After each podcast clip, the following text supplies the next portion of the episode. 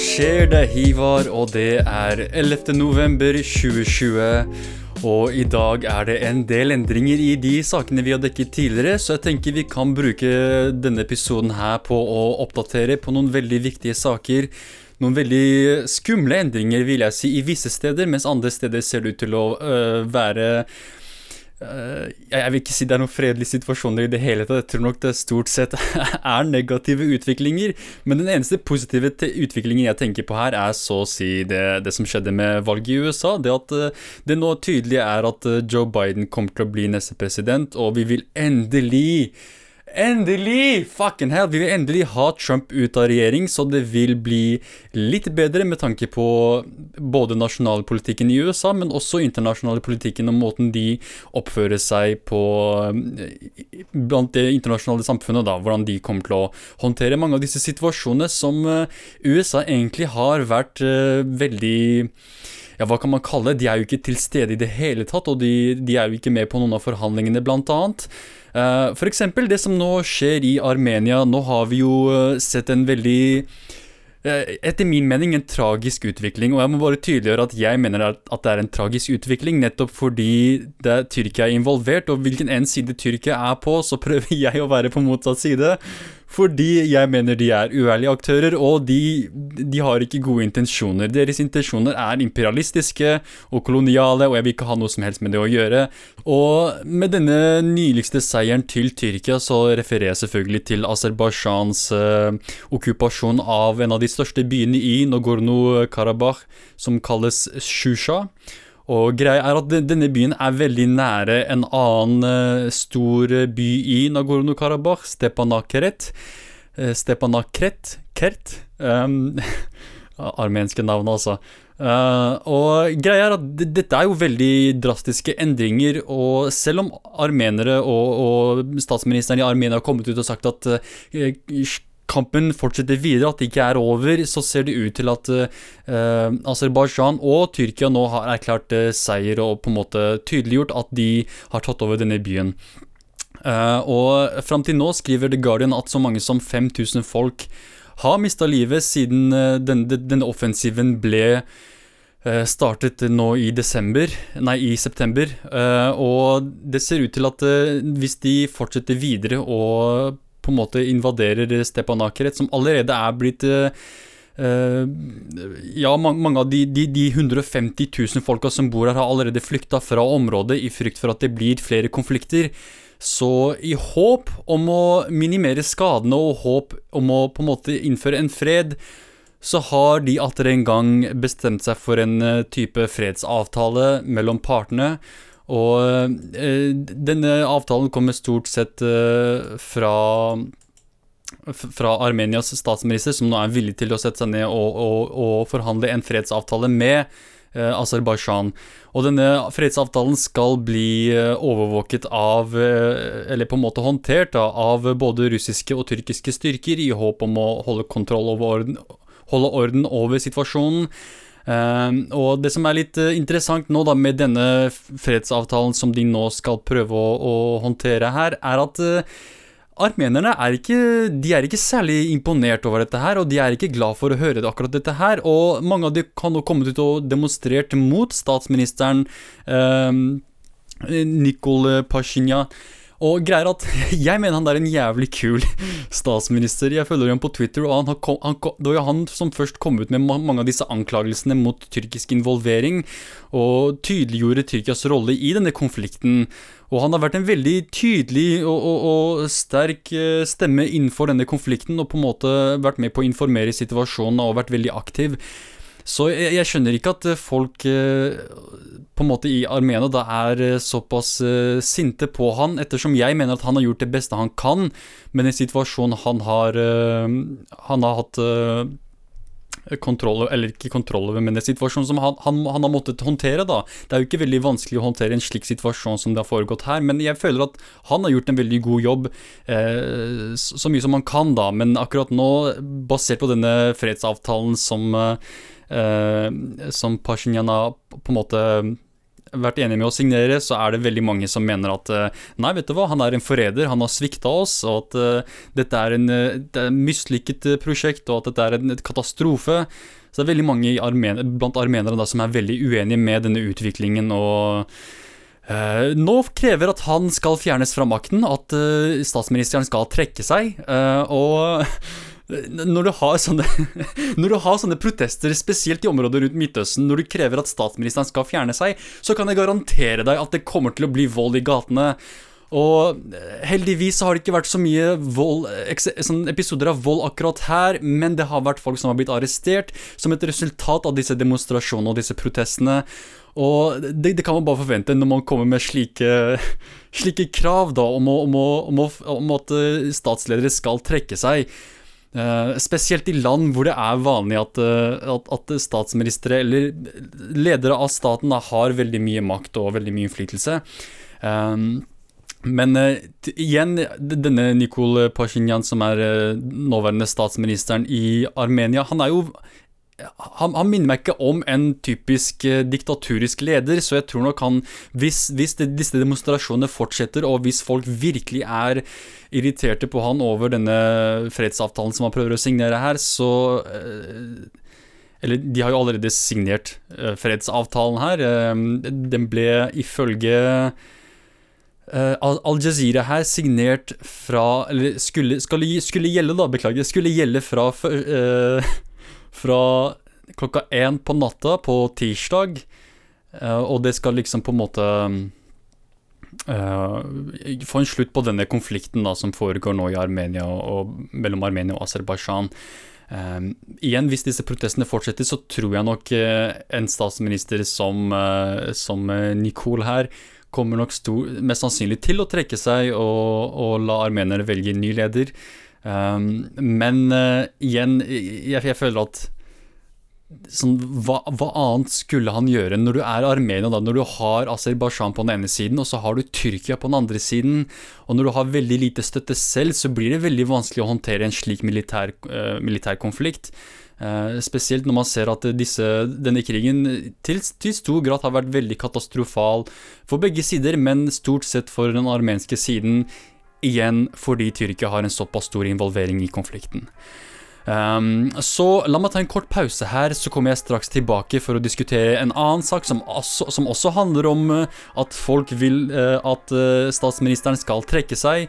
Og det er disse protestene som foregår i Thailand. Og nå nylig så har vi sett en veldig Uh, en, en, slags typisk overreaksjon på myndighetene sin side. Så jeg, jeg vil bare diskutere litt uh, hva som skjer der også, for jeg føler at det er veldig viktig å få med seg den debatten også, spesielt siden det handler om ytringsfrihet. Så en kort pause, så kommer jeg straks tilbake.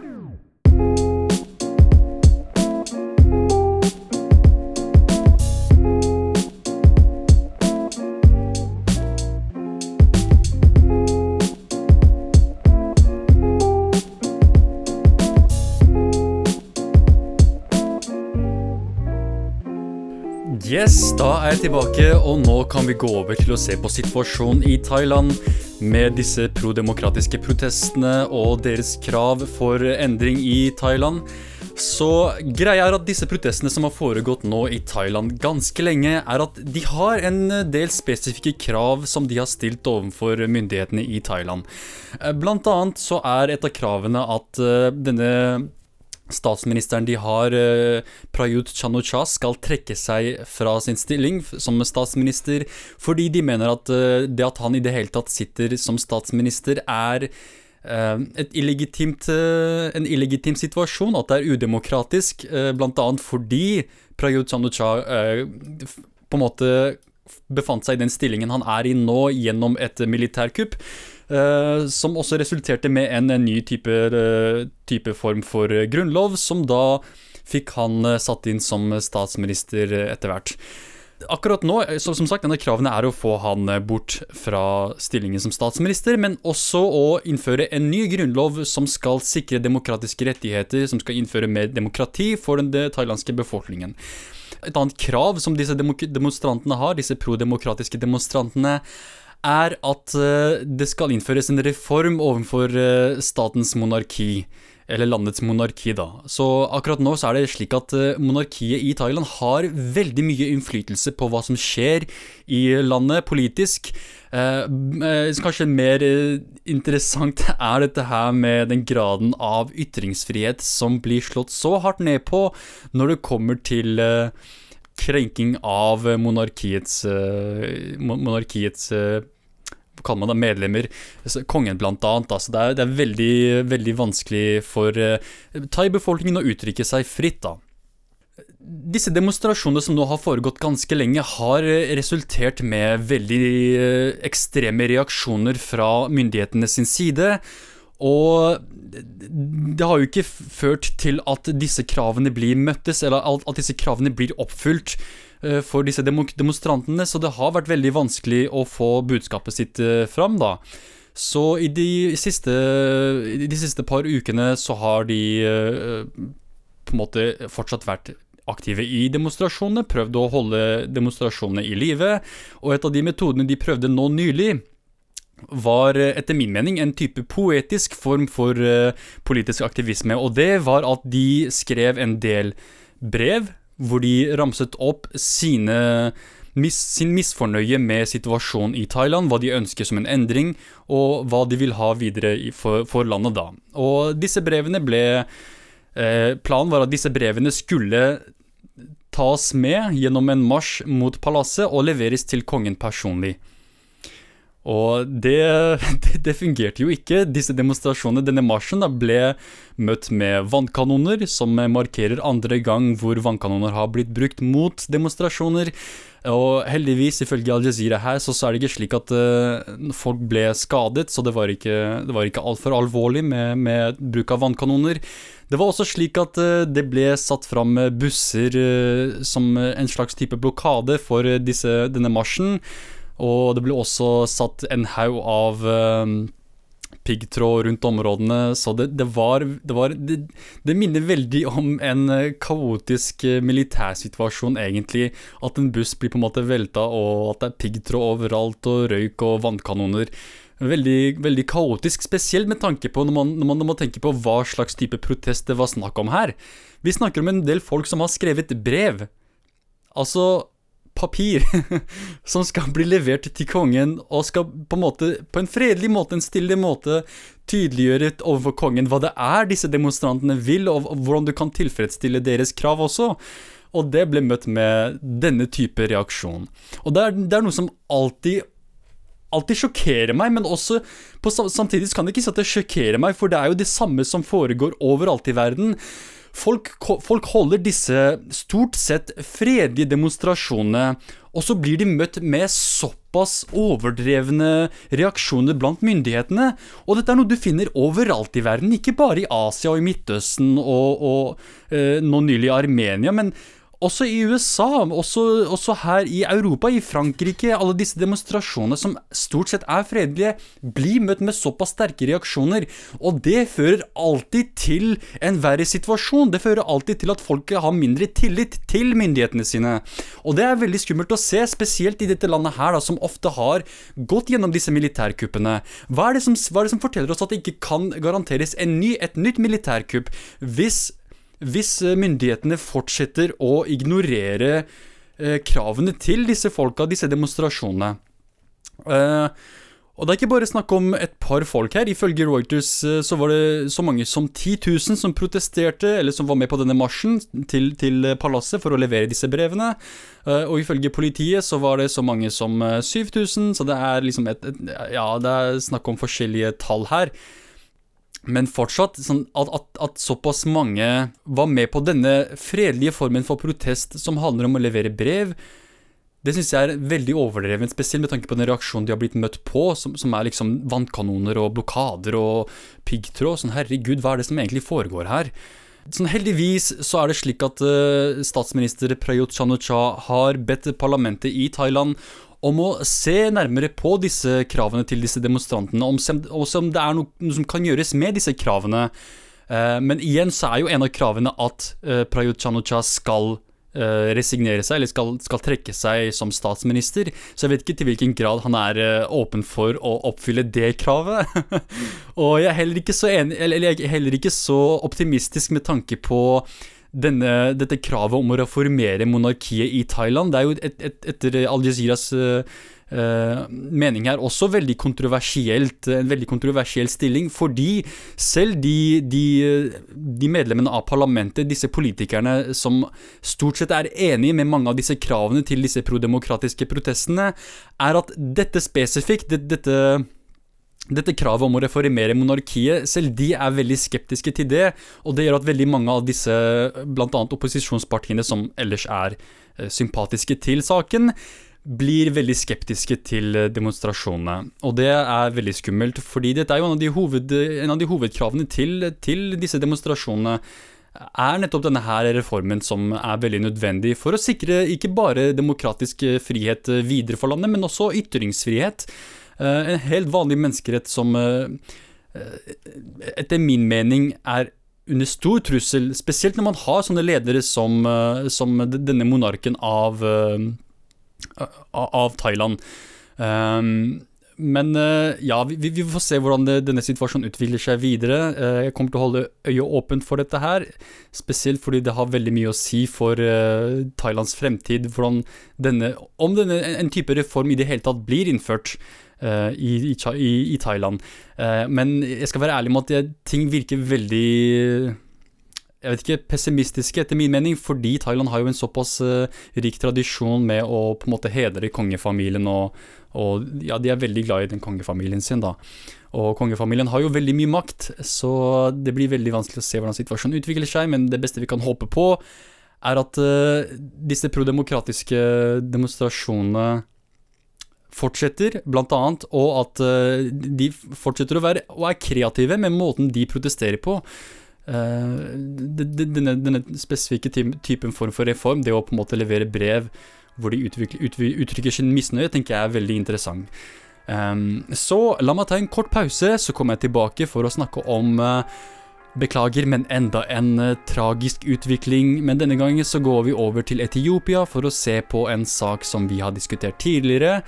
En sak som tidligere på en måte vi prøvde å som prøvde å gjøre oss håpfulle for fremtiden til Etiopia, men etter disse nyligste utviklingene så beviser det seg egentlig bare at de fryktene vi hadde, eh, dessverre utviklet seg til å være sanne. Så en kort pause, så kommer jeg straks tilbake.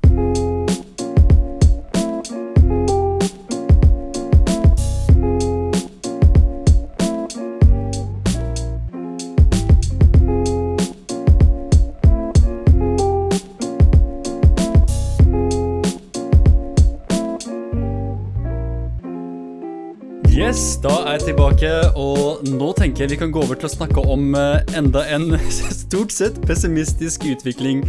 Eller jeg har veldig pessimistisk syn på situasjonen, vil jeg i hvert fall si. da. Og det er denne konflikten som nå har oppstått i Etiopia. Og hvis jeg skal være helt ærlig, så er det ikke en slags eh, en ny type konflikt som har utviklet seg. Dette er jo en konflikt som egentlig har foregått eh, lenge, men det er ikke før nå vi ser at det blir veldig bekymringsfullt da, med, med tanke på hva som skjer her akkurat nå.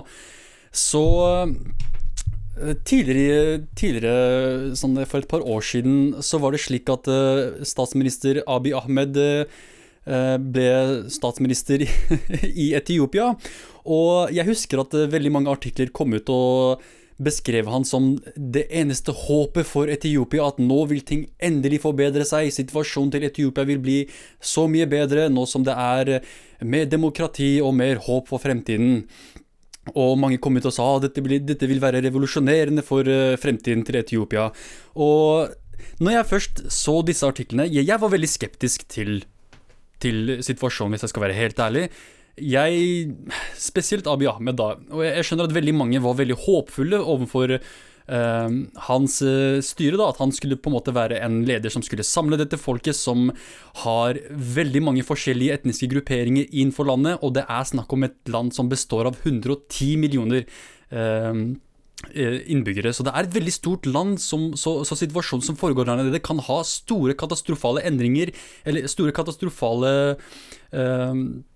ja, hva kan man si, utviklinger, da, hvis, hvis ting skulle gå fælt. Og dessverre så ser det ut til at eh, denne Abiy Ahmed, som bl.a. fikk Nobels fredspris for hans eh, ja, optimistiske syn, da, og mange så på han som en optimistisk leder.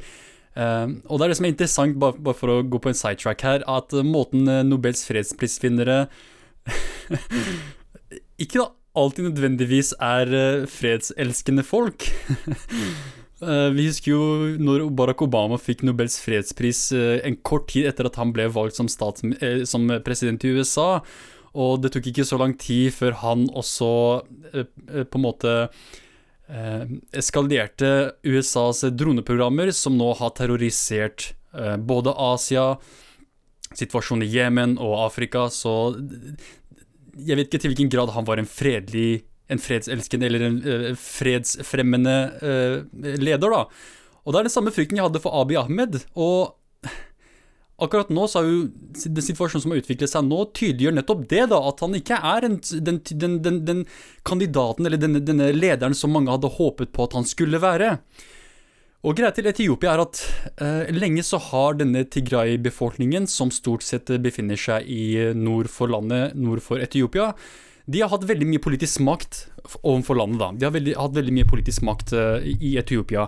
Og når Abiy Ahmed, som også tilhører en av de, mer, uh, en av de, uh, en av de store etniske befolkningene i, i, i, Etiopia, kom til makten, så var det slik at mange av disse Tigray-lederne ble fjernet fra makten. Mange, mange av de fikk sine stillinger fratatt. Og ikke bare politisk, men også med tanke på forretning og, og industrien i landet også. Og da, da, det skulle holdes en type regional, et regionalt valg for eh, områdene i Tigray, der disse Tigray-folka bor, så kom Abiy Ahmed ut og sa at pga. koronasituasjonen så, så, et, så innførte de et slags Um, et forbud på å holde demokratiske valg, da, disse valgene. Fordi de, ville, de, fryktet at dette ville være med på å, å eh, spre koronaviruset da, i landet. Og uh, hvordan reagerte de i Tigray-regionene? Jo, de reagerte med å holde dette valget uansett. Og dette likte ikke Abiy Ahmed sin regjering i det hele tatt. Um, og nå nylig så har uh, Abiy Ahmed fjernet ifølge Al Jazeera her igjen eh, Jeg, stoler, stort sett på, Al Jazeera når det kommer til disse sakene her. Eh, men han har tydeligvis fjernet eh, militærsjefen. Han har fjernet lederen av etterretnings, etterretningen i, i, i, Etiopia og utenriksministeren. Og så har han også innført en type militær operasjon i Tigray-regionen, som nå eller som er en type reaksjon da, på at uh, Tigray-styrker skal ha angrepet en militærbase, en etiopisk militærbase i regionen og på en måte stjålet uh, verktøy og, og, uh, og, våpen som de fant der, da. Og denne konflikten som egentlig startet på den måten her, da, har allerede tatt, kostet veldig mange liv, og det har gjort at veldig mange folk er blitt skadet. Og det, det, blir veldig vanskelig å holde, holde, oversikt over situasjonen og nøyaktig, vite nøyaktig hva som skjer, nettopp fordi Abiy Ahmed også har innført en type isolasjon av området. De har nå begrenset tilgang til internett, til telekommunikasjon, til, til, til også elektrisitet.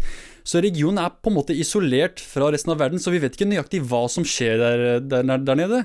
Men ifølge AFP så skal så mange som 98 Eh, stats 98 eh, etiopiske soldater vært skadet, eh, og de har nå blitt behandlet i Amara-regionen, som er naboområdet til Tigray-regionen.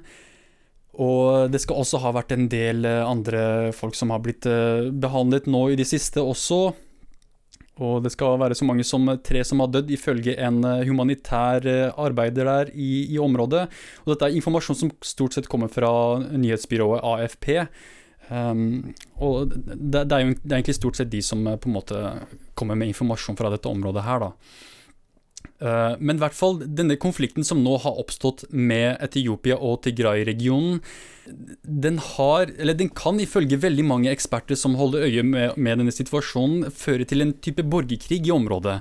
Og det er det som er frykten, etter min mening, det som stort sett gjør at jeg er veldig pessimistisk til denne situasjonen, er at når man, når man har et system som man har i Etiopia, hvor man har ulike forskjellige typer etniske folkegrupper, og det blir en type borgerkrig, da, så ender det veldig sjelden godt. Med mindre man har en leder som på en måte er villig til å sette seg ned og håndtere dette, dette her diplomatisk og på en fredelig måte. Og det som er trist, er at det er nettopp det Abiy Ahmed har uh, avslørt at han ikke er åpen for. Da, en, en, type diplomatisk løsning på situasjonen. Han vil heller ha en militær konflikt, og det overrasker meg spesielt fordi det er nettopp det som gjorde han til en håpfull kandidat, er at han skulle få slutt på dette her, denne konflikten. Han skulle gjøre landet mer stabilt. um, Og disse, disse, disse, borgerkrigene som oppstår, spesielt i slike områder, når man har forskjellige folkegrupper og, og, og forskjellig syn på hvordan landet skal ledes, og når man har områder som har stor grad av selvstyre, eh, og når man først er i en åpen konflikt med sentralmaktene, så kan det også føre til at andre regioner i Etiopia også blir dratt inn i konflikten. Og ikke bare andre regioner i Etiopia, men også nabolandene.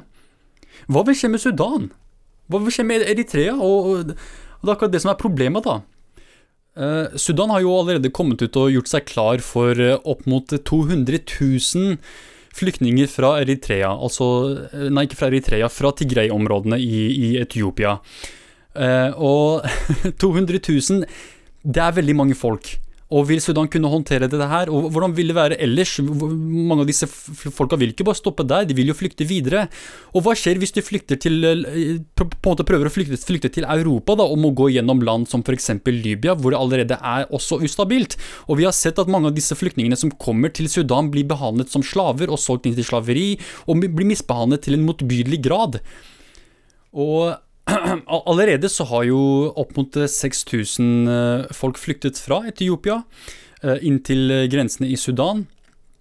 Og ifølge en sudanesisk eh, politiker her, så har han på en måte bedt Forente nasjoner om å, om å eh, bli mer effektive i deres respons av konflikten som foregår i området, og på en måte sikre disse grensene og sikre situasjonen der. Men til syvende og sist så er dette her en konflikt som må løses Eh, etter min mening, av Abiy Ahmed og, og, eh, og Tigray-lederne i området. Så det er, det er, bare å håpe, på samme måte som eh, Armenia nå er villig til å, til å, forsøke å ha en fredelig løsning på konflikten sin, så håper jeg også eh, Abiy Ahmed og, og Etiopia eh, på en måte er villig til å ha en, ha en diplomatisk løsning på denne situasjonen her. Eh, når, det, når det kommer til disse områdene hvor man har stor grad av eh, selvautonomi for eh, visse regioner, så er det den eneste måten man kan eh, sørge for at det blir en varig fred. Da. At man finner en diplomatisk løsning, og man er villig til å snakke om situasjonen. Når du først begynner å bruke vold, enten det er Etiopia som, som, som begår angrepene, eller om det er Tigray-befolkningen som begår angrepene, så tenker jeg den beste måten å håndtere dette her på, er gjennom diplomatisk politikk.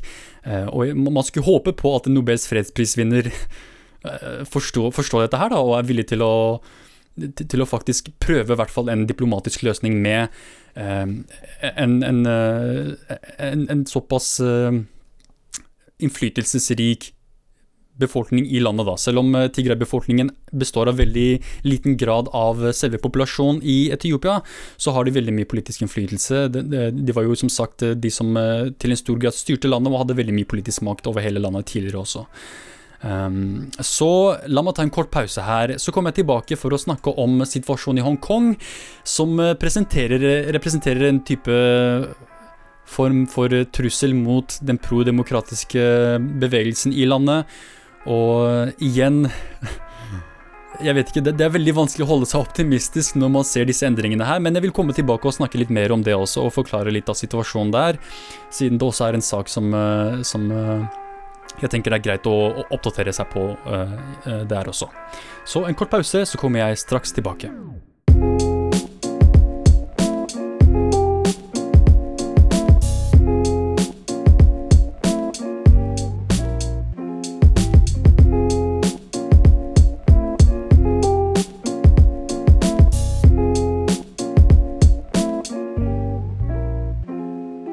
Yes, da er jeg tilbake, og nå tenker jeg vi kan gå over til å se på situasjonen i Hongkong. Se hva som har skjedd der. Fordi der er det også Jeg hater å måtte bare ha negative nyheter her også, men det er jo stort sett det som er situasjonen i verden. Men i hvert fall eh, en stor andel av de prodemokratiske representantene i Hongkong har nå valgt å trekke seg. Og det kommer som et resultat av denne store denne masseforfølgelsen av de prodemokratiske aktivistene og de prodemokratiske politikerne i Hongkong. Um, og bare for å forklare det, la, vi, må, vi, må, ta en uh, tur tilbake i uh, Tur tilbake til uh, juni-juli-perioden, hvor Kina implementerte en slags type nasjonal sikkerhetslov, som de kalte det. Og denne ble stort sett retta mot Hongkong.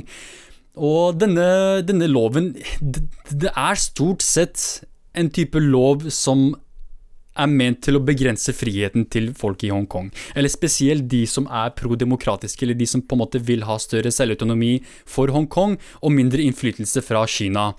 Og Det som er problemet med denne, love, denne loven som er blitt introdusert av Kina, er at språket som de bruker i denne sikkerhetsloven, er så bred at den, den så å si Alle kan bli straffeforfulgt basert på denne loven. Alle som har noe som helst å si, kan bli straffeforfulgt og markert som det de kaller eh, en som vil forsøke å løsrive seg fra Kina, en som eh, er med på å undergrave myndighetenes makt, en som begår terrorisme, og en som begår samarbeid med fremmedsmakter for å true den nasjonale sikkerheten.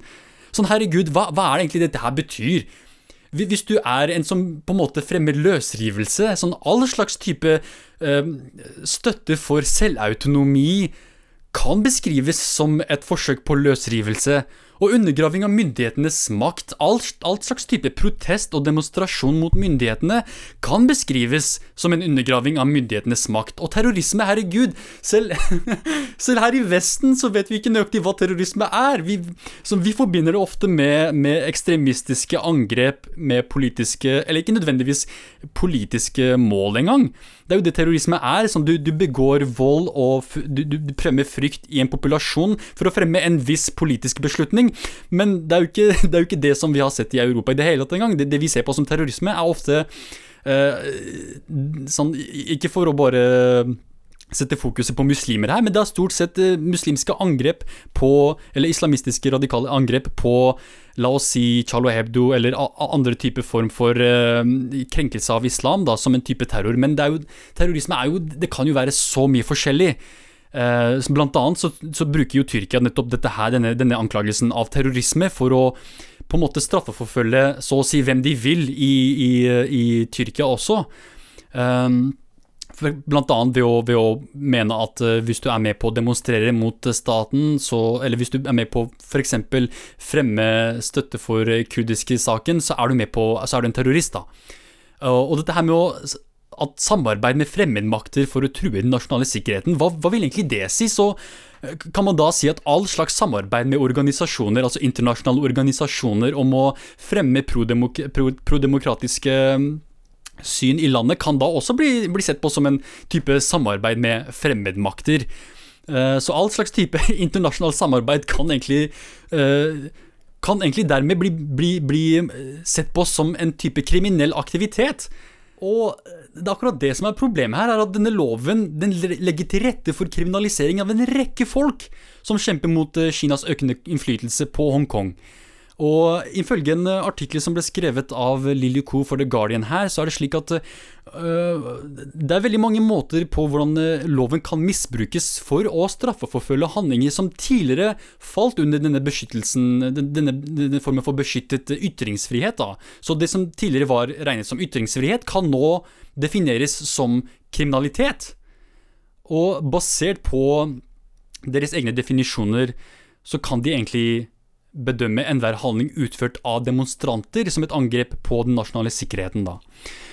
Uh, så En annen ting som er veldig bekymringsfullt, spesielt med tanke på uh, disse demonstrasjonene som først oppsto i, Hongkong, var jo nettopp denne her eh, utleveringsloven som var veldig bekymringsfull. Mange fryktet at hvis, hvis Hongkong ble påbudt om å utlevere visse, visse folk, da, så ville det føre til en stor innflytelse på demokratiet i Hongkong, at hvem som helst kan bli på en måte utlevert til Kina for å bli straffeforfulgt der.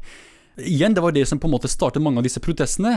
Men denne loven legger til rette nettopp for dette også. At uh, visse folk som, uh, som Kina har interesse av, da, kan bli utlevert til Kina for å få straffen sin der. Og videre så gir disse lovene i kinesiske, de, de kinesiske sikkerhetsstyrker, eller sånn type secret agents, da, til å gå rundt i Hongkong og gjøre egentlig det de, det de vil, uten noe frykt for, uh, frykt for myndighetene i Hongkong. Og ikke bare det, men Hongkongs myndigheter de er liksom påbudt å assistere disse styrkene og samarbeide med dem. Så det blir på en måte både Kina og Hongkong mot prodemokratiske, eh, disse prodemo, denne prodemokratiske bevegelsen, da. Uh, og det er ikke bare disse fremmedstyrkene, som jeg vil kalle de, fra Kina som har stor, stor uh, en, økende, en, økende, grad av innflytelse i Hongkong, men også politiet. Dette er også noe som er veldig skummelt. Greia er at ikke bare kan politiet nekte folk uh, å reise inn og ut av Hongkong, men de kan også tvinge internettleverandørene til uh, sine mistenkte om å utlevere informasjon til disse folka her. Og de kan også drive ransakelser av hjemmene og teknologien til folk uten noen ransakelsesordre. Så det er enda, enda mer brudd på de demokratiske rettighetene til Hongkong. Og eh, mange vil tenke sånn, ja, men dette her er jo, vi snakker om Asia, det er jo ikke slik at de har de samme politiske lovene som vi har her i, har her i Vesten. Men det er akkurat det som er problemet her, er at Hongkong stort sett har en stor innflytelse av vestlige verdier. Det var jo lenge en eh, koloni til Storbritannia, så man har disse disse verdiene da, som man også ser her i Vesten. Så det å på en måte ha et system hvor politiet kan drive ransakelser av hjem og teknologi uten å ha noen ransakelsesordre, er jo et brudd på personens privatliv. Um, og jeg vil si menneskerettigheter, altså det å ha rett til privatliv, er jo etter min mening en menneskerett. Uh, og enda en gang så, vil, så, er det jo folk som mener at uh, ja, disse menneskerettighetene er jo etablert av Vesten, det er jo vestlige verdier. Hvorfor skal Kina og hvorfor skal afrikanske land bl.a. Uh, følge disse menneskerettighetene?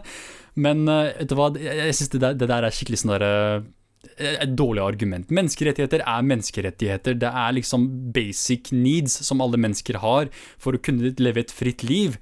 Og et av disse tingene er retten til privatliv og retten til eh, også, også, retten til ytringsfrihet, som etter min mening er det som blir stort sett angrepet her. Og, og, og også retten til selvstyre for, eh, for folk i Hongkong. Um, og Det som også er veldig skummelt med denne loven, altså, måten språket er brukt til å formulere loven, er at uh, ifølge George Washington University Law Schools Donald Clark er det slik at uh, språket som er brukt i lovformuleringen kan tenkes å gjelde absolutt enhver person på planeten, ettersom ikke den spesifikt sier at å, dette gjelder kun for folk som bor i Hongkong eller ikke. Um, så det kan egentlig bli, bli brukt til å straffeforfølge meg, som uh, støtter denne, denne, denne prodemokratiske bevegelsen i Hongkong, da. Um, og det er jo ikke bare øh, sånne folk som meg, det som er free speech absolutist, som øh, tenker at øh, ja, all, all, all ytringsfrihet skal beskyttes og bla, bla, bla. Men uh, selv USA har jo vært veldig skeptisk til denne, denne, denne, loven som har blitt innført. Og de har jo innført sanksjoner mot, uh, mot Hongkong som et resultat av denne, denne loven. Og de, jo, de, var jo også med på å støtte denne prodemokratiske bevegelsen tidligere også. Uh, og dette blir jo møtt med stor kritikk fra ledelsen i, i Hongkong. Uh, Carrie Lam, som er den nåværende lederen for, uh, for Hongkong, har jo kommet ut og sagt at USA ikke bør blande seg inn i situasjonen i Hongkong. Spesielt nå som det er en ny leder for USA som, uh, som vi kan forvente oss, altså Joe Biden. Så håper hun at USA fortsetter å på en måte Eller at USA slutter å blande seg inn i situasjonen der. Um, og hun mener at uh, denne loven, som igjen er kritisert av USA, har vært veldig effektiv i å stabilisere Hongkong igjen, og økonomien og, og freden. Uh, ettersom at det har vært med på å nettopp slå hardt ned på disse demonstrasjonene som har foregått i Hongkong så lenge nå, og som har på en måte vært såpass dramatiske og store.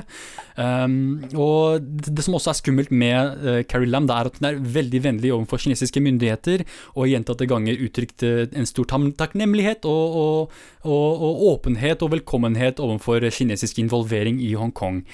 Um, så det nå at, eh, at eh, alle disse prodemokratiske eh, representantene i Hongkong nå trekker seg, gjør det jo slik at det er stort sett de pro-kinesiske kinesiske representantene som er i makten, da.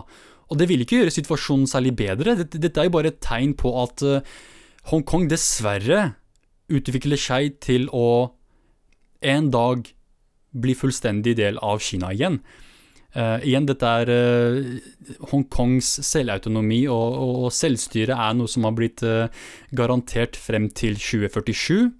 Og etter det så er planen egentlig at, at Kina skal ta over Hongkong, at, at Hongkong skal bli en del av Kina igjen. Men når man har hatt denne spesifikke historien og denne, denne, denne utviklingen de siste tiårene, da, i, i Hongkong, så blir det veldig vanskelig for en befolkning som er såpass forskjellig fra resten av befolkningen i Kina, å på en måte bli en del av de, da.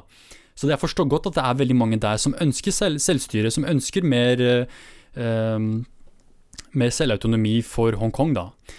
Eh, men igjen, det at så mange folk har trukket seg, det gjør ikke situasjonen særlig bedre. Eh, men igjen, hva, hva kan de gjøre når det er såpass sterk motstand? Eh, som de møter på. Det blir veldig vanskelig å, å fortsette med den politikken de vil fremme, når det, når det er såpass sterke reaksjoner.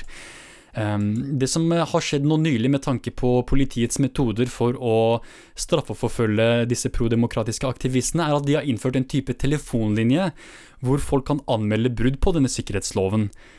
Og det, det, er ikke snakk om at folk ringer inn og sier yo, det, naboen min er en uh, prodemokratisk aktivist og en terrorist, kom og ta han. Nei, det, det, handler stort, stort, sett om å sende inn bilder, lyd eller video gjennom denne telefonlinja for å anmelde visse folk, da. Og ifølge BBC her så har mange prodemokratiske grupper oppløst etter frykt for denne forfølgingen da, som, som er å vente etter at loven ble introdusert. Og allerede så har en del folk blitt arrestert, og frykten ifølge BBC her er at det kan føre til at fremtidige protester kan bli slå hardt ned på. Eh, og akkurat nå så er det allerede slik at eh, to stykk bl.a. har blitt siktet etter denne, denne sikkerhetsloven. Um, så jeg skjønner godt igjen at disse, disse, representantene, disse prodemokratiske representantene også frykter for sin sikkerhet.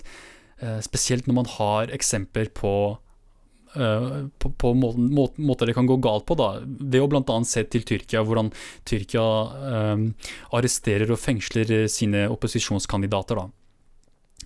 Og, men spesifikt da, for denne telefonlinja, frykten er at uh, folk vil kunne misbruke denne telefonlinja til å sende inn falske anklagelser mot folk de ikke liker. Og ettersom disse anmeldelsene kan føre til arrestasjoner, så skjønner jeg at veldig mange som på en måte er sterkt uenige med hverandre, vil misbruke det til å uh, trakassere hverandre, da. Ifølge The Guardian her så er det slik at uh, så mange som 2500 tips ble sendt inn til denne telefonlinja i løpet av noen få timer bare.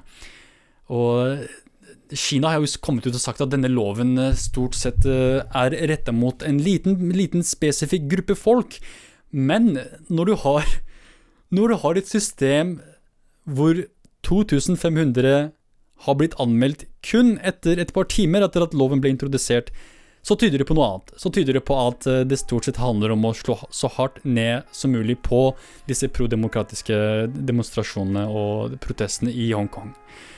Så det er Jeg representerer et veldig dystert bilde akkurat nå. Jeg, jeg, jeg forstår det godt, men uh, det er jo slik situasjonen er. Det er en veldig håpfull, håpløs situasjon akkurat nå, spesielt med tanke på denne sikkerhets, nasjonale sikkerhetsloven som Kina har implementert der. Um, men vet du hva, la meg ta en kort pause her, så kommer jeg tilbake for å snakke om en kanskje litt mer håpfull nyhetssak her, håper jeg. uh, så en kort pause, så kommer jeg straks tilbake.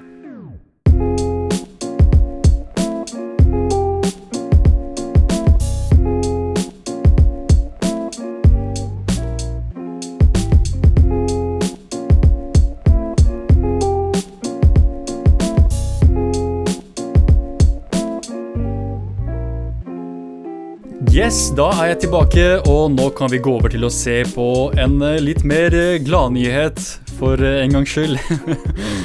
Så skal vi se her. Dette er en artikkel som er publisert på forskning.no, men skrevet av NTB, som handler om denne nye Eller denne vaksinen som er blitt utviklet av Pfizer og BioNTech som skal da være veldig effektiv i å beskytte brukere mot covid-19. Og de mener at det er så mange som 90% av brukere som beskyttes når man får denne, denne vaksinen. Og det er ikke meldt om noen alvorlige bivirkninger heller. Uh, skal vi se her, Medisinsk fagdirektør Steinar Madsen i Statens legemiddelverk ble både glad og lettet da han hørte nyheten, ifølge NTB her. Uh, og han har sagt vi antar i utgangspunktet at en felles europeisk godkjenning av vaksinen kan komme i månedsskiftet januar-februar. Og på bakgrunn av dataene har vi fått innsikt i, fra firmaet, så, så, holder vi alle mulighetene åpne. Um, og eh, han utelukker heller ikke at vaksinen kan komme før også, at vi, vi, får den litt tidligere. Eh, og i 2020 så er det forventet at Pfizer og BioNTech skal kunne tilby rundt 50 millioner doser, og opptil 1,3 milliarder doser neste år.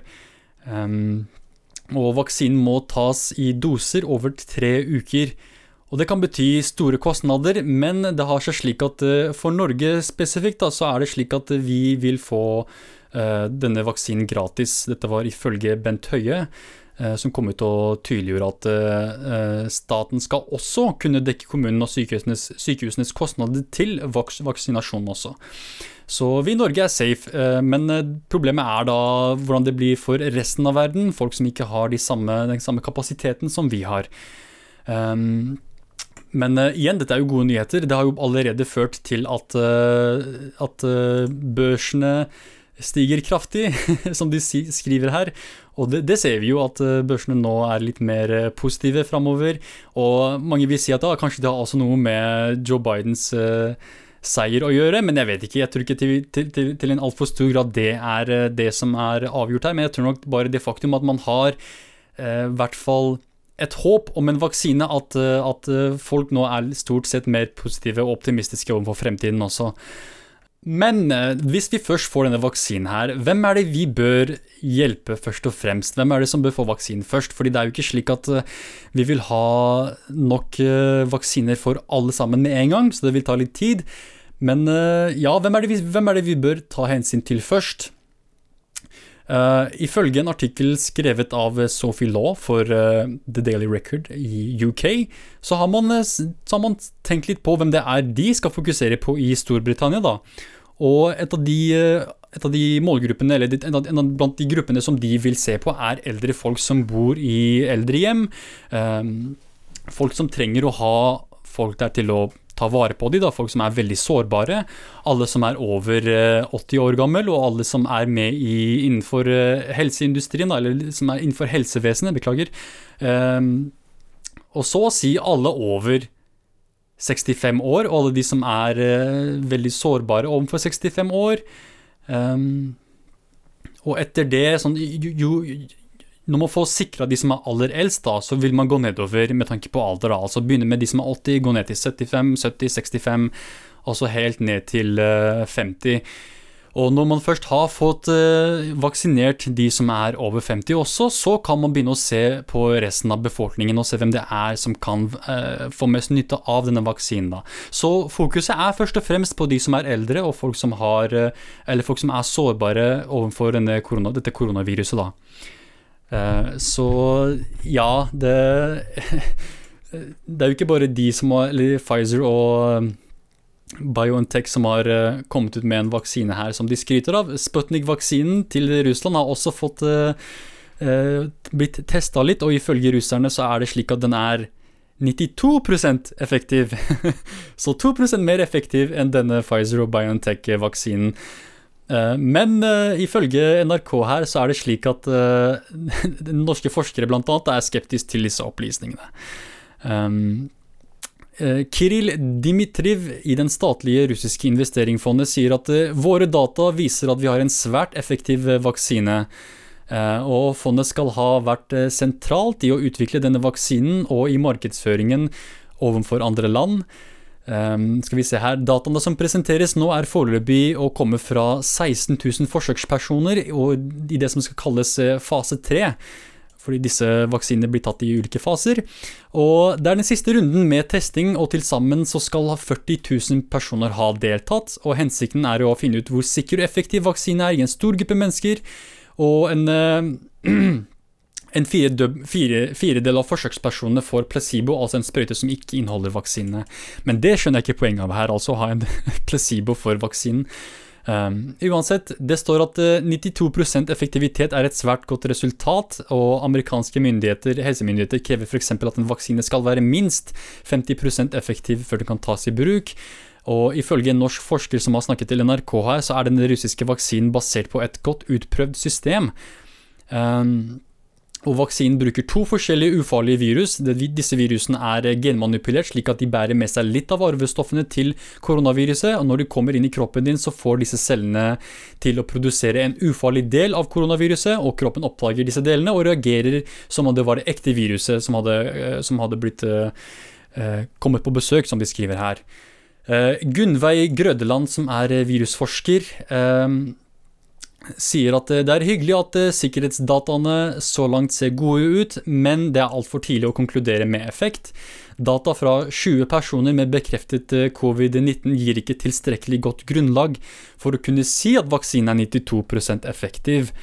Um, og Forskeren Eleanor Ellen O'Reilly ved universitetet i Edinburgh er også skeptisk til disse lave antallet smittende som danner grunnlaget for analysen, og sier at eh, dersom du ikke følger protokollen for, slike skal, for at slike målinger skal skje, så åpner det for mistanke om at uh, du har utvalgt data som passer deg best. Uh, og det, jeg vet ikke, det, jeg vet ikke til hvilken grad det er uh, uvanlig innenfor forskning å velge ut den data som som på en måte passer en best. Men uh, man har jo mistanker om at uh, det, det, denne vaksinen her da er mindre effektiv enn den vaksinen som er blitt, uh, som er blitt lovet av Pfizer og, og Biotech sitt samarbeid her, da. Så vil det her si at vi nærmer oss en covid-fri verden innenfor 2021. Vil vi ha det litt bedre? Kanskje det, men eh, vi må også huske at det vil fortsatt ta veldig lang tid før ikke bare alle disse alle folka som trenger å få vaksinene, får vaksinene, blant annet de mest sårbare, men også eh, at, at på en måte eh, viruset på en måte gradvis blir svekket. da, At uh, vaksinen først kommer i effekt, og det vil ta tid før vi først får, får, får, tak i vaksinen. Og det vil også ta tid før vaksinen på en måte viser seg å være effektiv. Så det kan ta litt tid, selv om det er veldig håpfullt akkurat nå. Men uh, jeg vet ikke til hvilken grad eh, vi skal være altfor håpfulle. Vi må også huske at det er veldig mange folk der ute som er skeptiske overfor vaksiner generelt.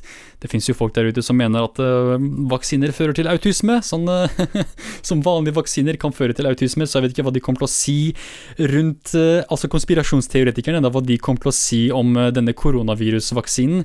Fordi mange, mange kommer jo blant disse konspirasjonsfolka kommer ut og sier at bare koronaviruset er en konspirasjon og er en Um, en type fake, et fake virus, da, så hva kommer de til å si om vaksinen? At det her også er bare enda en, eh, en, en falskhet som uh, myndighetene bruker for å berike seg selv. Så slike tanker bør man være veldig redd for, at uh, de blir populære i, blant befolkningen. Uh, spesielt fordi det er, jo, det er jo ikke uvanlig at folk er skeptiske til koronavirusets eksistens i det hele tatt.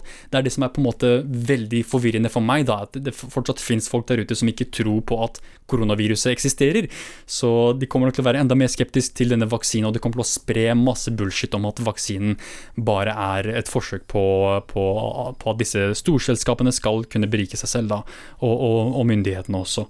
Så det er, det er, den største frykten jeg tenker, og det er det som på en måte gjør at jeg blir veldig skeptisk til hvor effektiv denne korona, dette, koronavirusvaksinen kommer til å bli. Så det jeg håper på, er at hvis den faktisk er så effektiv som man skal ha det til å tro, at den er på en måte 90% effektiv, er at eh, det blir påbudt å ta vaksinen. Og jeg skal være ærlig om at det her går imot mine mer libertarialistiske syn når det kommer til uh, valg over egen kropp og bestemme over, egen kropp, men når det kommer til vaksinering og det å på en måte bli immun, da, til en grad man kan bli immun overfor viruset, så tenker jeg det er nødvendig, fordi det går jo ikke bare utover din egen kropp når, vi, når det kommer til sykdommer. Her snakker vi om noe annet. Her snakker vi ikke om dine personlige friheter fordi problemet er jo nettopp det at, at, viruset sprer seg. hvis det ikke hadde vært slik at viruset spredde seg, hvis det bare påvirket en spesifikk person alene. Greit, ikke ta vaksinen, men siden det er frykt for at det kan spre seg fortsatt, så tenker jeg det beste er å faktisk ha et slags påbud da, hvor folk må, må vaksinere seg. Fordi dette viruset her er det er jo mer alvorlig enn eh, tidligere virus, og, og spesielt med tanke på hvor, hvor, eh, hvor, lett det sprer seg, da. Så ja, det, det blir et lite dilemma for folk som meg, som har eh, ønsker om et mer eh, Et Norge som har litt mer personlige friheter, men også når det kommer til sikkerhet. Altså tenker jeg, her er det en her, her, er det, her, er et område vi kan kompromissere våre personlige friheter for å sikre at vi endelig får slutt på denne, dette koronaviruset, og vi kan komme oss til et bedre system igjen, da. Til en bedre situasjon. Um, og jeg vet ikke hvordan det blir i fremtiden videre, med, med, tanke på nye virus som utvikler seg, for nå har vi jo en situasjon i Danmark hvor uh, minkavlingen der har uh, skapt bekymringer rundt en ny mutasjon av koronaviruset. Og en slags vaksine vil da ikke være særlig effektiv når man har et uh, på en måte man har vaksinen for det originale koronaviruset, og så oppstår det en mutasjon som vaksinen er helt ubrukelig mot. da. Det kan være veldig bekymringsfullt. Og Danmark har bestemt seg for å håndtere denne situasjonen her på brutal, en veldig brutal måte, og det er at de vil avlive all mink i landet for å sørge for at, eh, at eh, viruset ikke sprer seg videre igjen. At det ikke blir en ny bølge med et nytt virus. Eh, og jeg tror ikke Danmark vil ha den skylden på seg, så de bestemmer seg for å drepe all mink. Um, men igjen, ja, det er jo det, det problemet med disse, nettopp dette her, da, at eh, virus utvikler seg videre, det muteres, det kommer nye virus. Så spesielt denne skepsismen rundt vaksiner og skepsismen rundt eh, virus sin eksistens i det hele tatt er veldig bekymringsfullt, og det kan føre til stor skade for befolkningen flest. da. Så ja, det, jeg vet ikke helt hvordan staten skal på en måte sørge for at eh, tilliten er der blant folk. At folk har tillit til staten når de først kommer med disse vaksinene, uh, og, og, på en måte advarer folk om skadene rundt viruset. Um, for det er jo skummelt når folk ikke bryr seg, eller når folk ikke tror på advarselen i det hele tatt. Vi har jo sett hva det har gjort med med utviklingen av viruset. Når, når man først uh, fikk, fikk, dette koronaviruset, så så det ut til at ting ville bli bedre, fordi folk fulgte disse tiltakene, de tok det på alvor. Men når folk begynte å ta det mindre seriøst og er, var mindre eh, forsiktige, så har vi jo sett at tallene bare har steget opp igjen. Og nå er vi jo i en situasjon som minner veldig om begynnelsen også, bare i Norge, hvor det er snakk om store mengder folk som blir smittet hver dag. Um, så dette, denne vaksinen her er uh, veldig viktig. Og jeg håper virkelig vi får, vi får kommet i gang med å, med å um, gi den til de folka som trenger det så kjapt som mulig. Slik at samfunnet kan komme seg tilbake til der vi var tidligere, slik at vi kan fortsette å, og, slik at vi slipper å stenge ned uh, samfunnet helt igjen, da. Så dette var uh, stort sett den ene eneste positive nyheten her. Så utenom at uh, verden er i fyr og flammer, så, så ser det ut til at det er litt mer håp med tanke på koronaviruset, i hvert fall, da. For nå. Så takk for at du hørte på. Dette var Hivar, og nå litt heftig musikk.